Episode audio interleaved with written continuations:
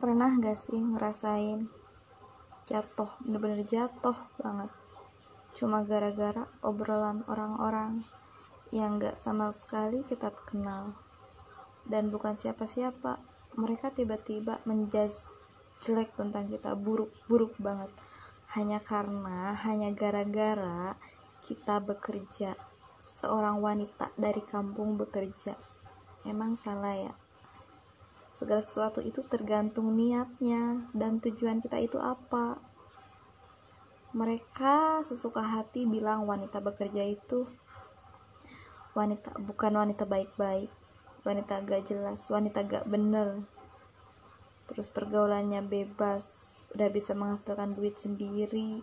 Songong lah apalah. Tapi enggak semuanya seperti itu sayang. Enggak enggak. Itu tergantung kitanya tergantung apa prinsip kita, apa tujuan kita, apa mindset kita.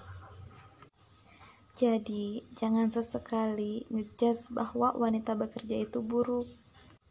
Karena kalian gak tahu bagaimana perjuangan mereka, apa yang telah mereka korbankan, dan apa tujuan dari bekerja itu. Bukannya segala sesuatu yang diniatkan karena Allah itu bernilai ibadah. Terus jika bekerja diniatkan karena Allah, apakah itu bukan termasuk ibadah? Jadi, stop bullying, stop berpikiran buruk tentang wanita bekerja. Semua berhak menentukan hidupnya bagaimana. Semua orang berhak bahagia.